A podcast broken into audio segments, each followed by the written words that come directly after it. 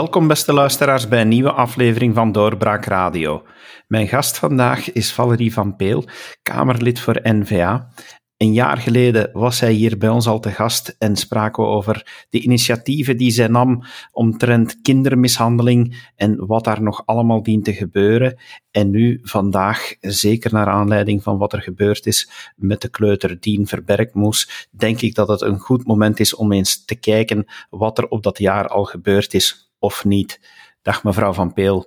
Dag David, dank u dat ik mocht terugkomen altijd welkom bij ons, dat weet u. Uh, ja, zoals ik al zei natuurlijk, we hebben nu eh, concreet het, uh, ja, het dossier omtrent de kleuter Dien. Uh, een jammer verhaal natuurlijk. Mm. maar ja, ik, ik zie heel veel mensen zeggen, het systeem heeft hier gefaald. Vindt u dat ook, dat het systeem in deze zaak gefaald heeft? Ja, misschien eerst nog even zeggen, ehm, het is natuurlijk verschrikkelijk wat hier gebeurd is en, en, en begrijpelijk dat het uh, heel veel mensen raakt. Um, ik vind het wel heel moeilijk om echt letterlijk over deze zaak nu uitspraken te gaan doen, voor daar echt al uh, duidelijkheid is wat daar nu precies gebeurd is. Wie, wie of wat op de hoogte was van wat. Um, er zijn heel veel factoren die je momenteel niet weet, waardoor het ook moeilijk is om op niveau van deze case te zeggen, dit had voorkomen kunnen worden, sowieso, met die en die oplossing. Ik denk dat dat een beetje te simplistisch zou zijn om dat te zeggen. Ik denk wel dat dit een voorbeeld is um, van een verhaal dat echt niet op zichzelf staat. En nu is daar heel veel, gelukkig, hè, heel veel commotie rond.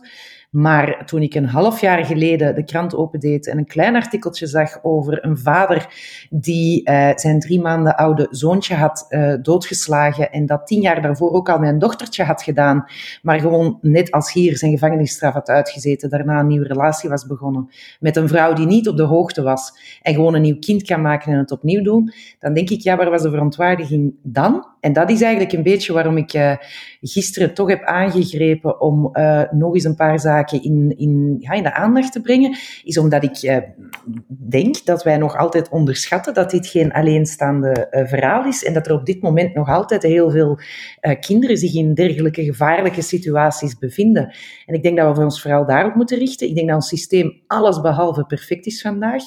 Um, maar één grote wonderoplossing, het zou te gemakkelijk zijn om dat te stellen, is er ook niet. Er is eigenlijk heel veel nodig in de strijd tegen kindermishandeling en kindermisbruik.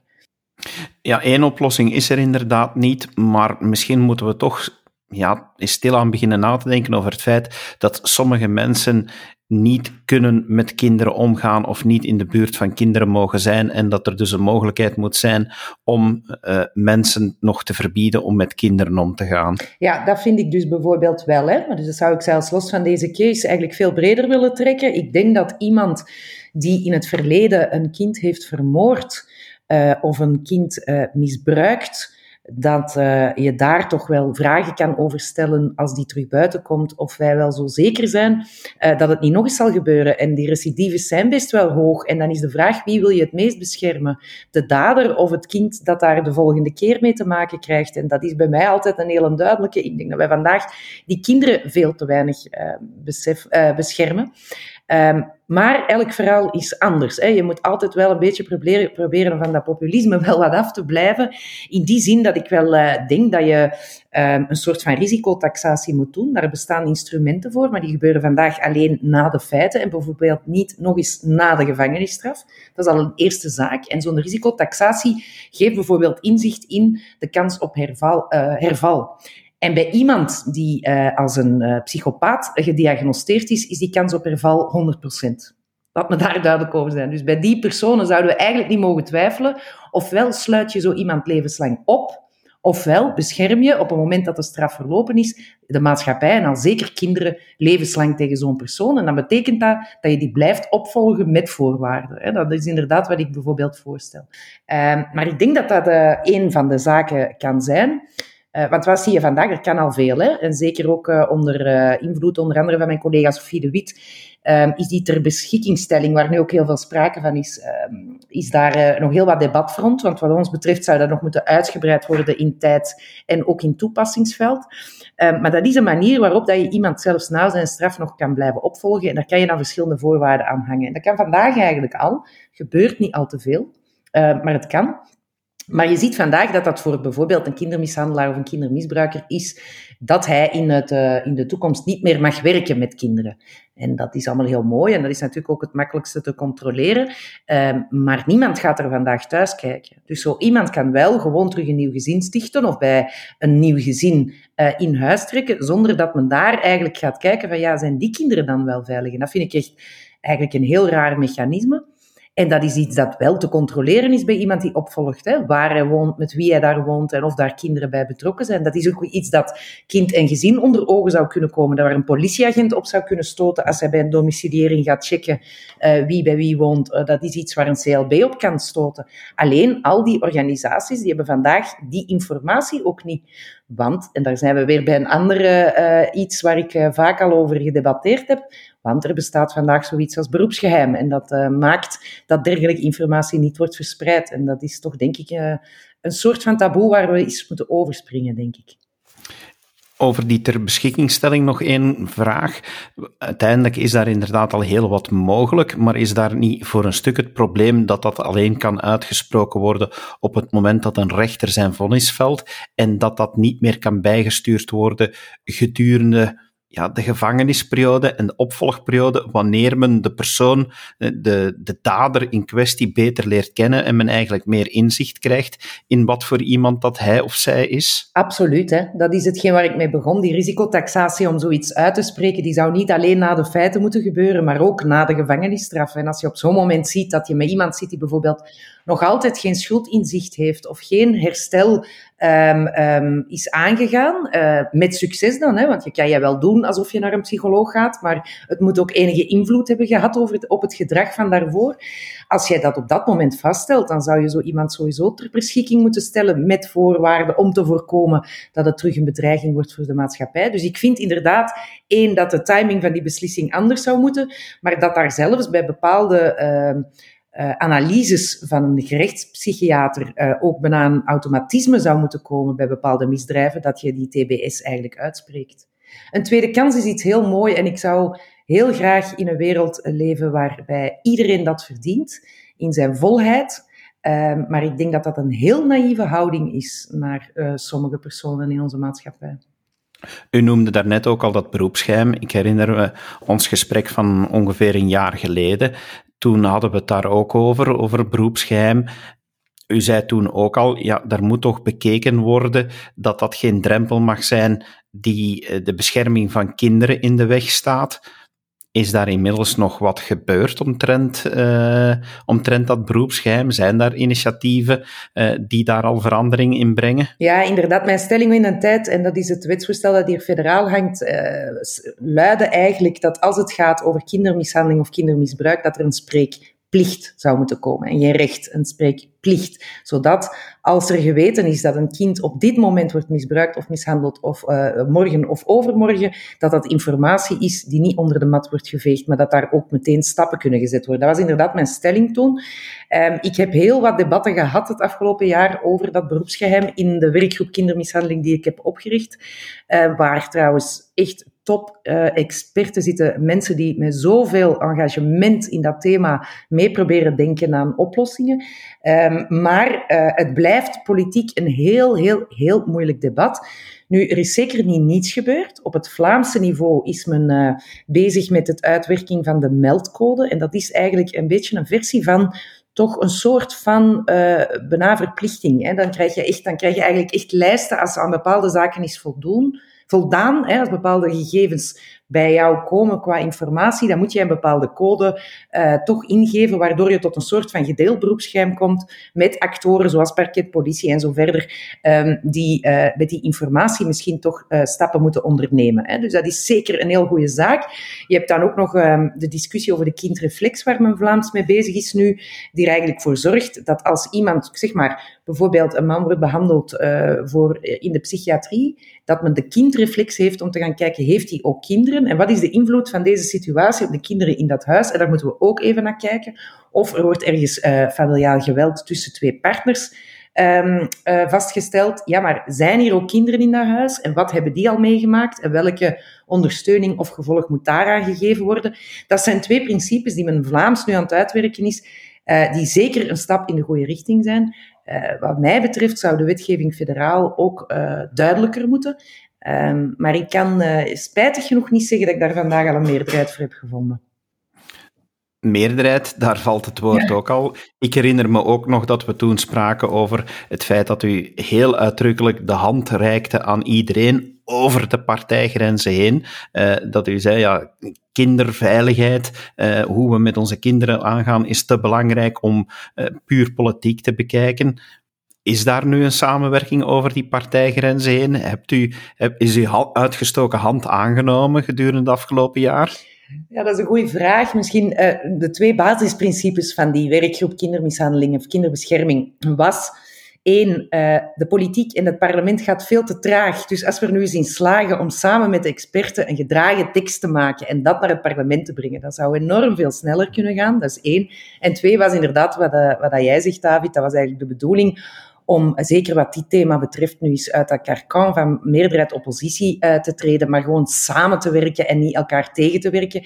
En ik hoopte dat dat zou kunnen lukken, omdat uh, ik heb die werkgroep een heel jaar echt onder de waterlijn laten uh, gebeuren. Ik heb daar ook niks over gecommuniceerd, heel bewust, omdat ik dat een absolute kans wou geven en nog altijd wil geven trouwens.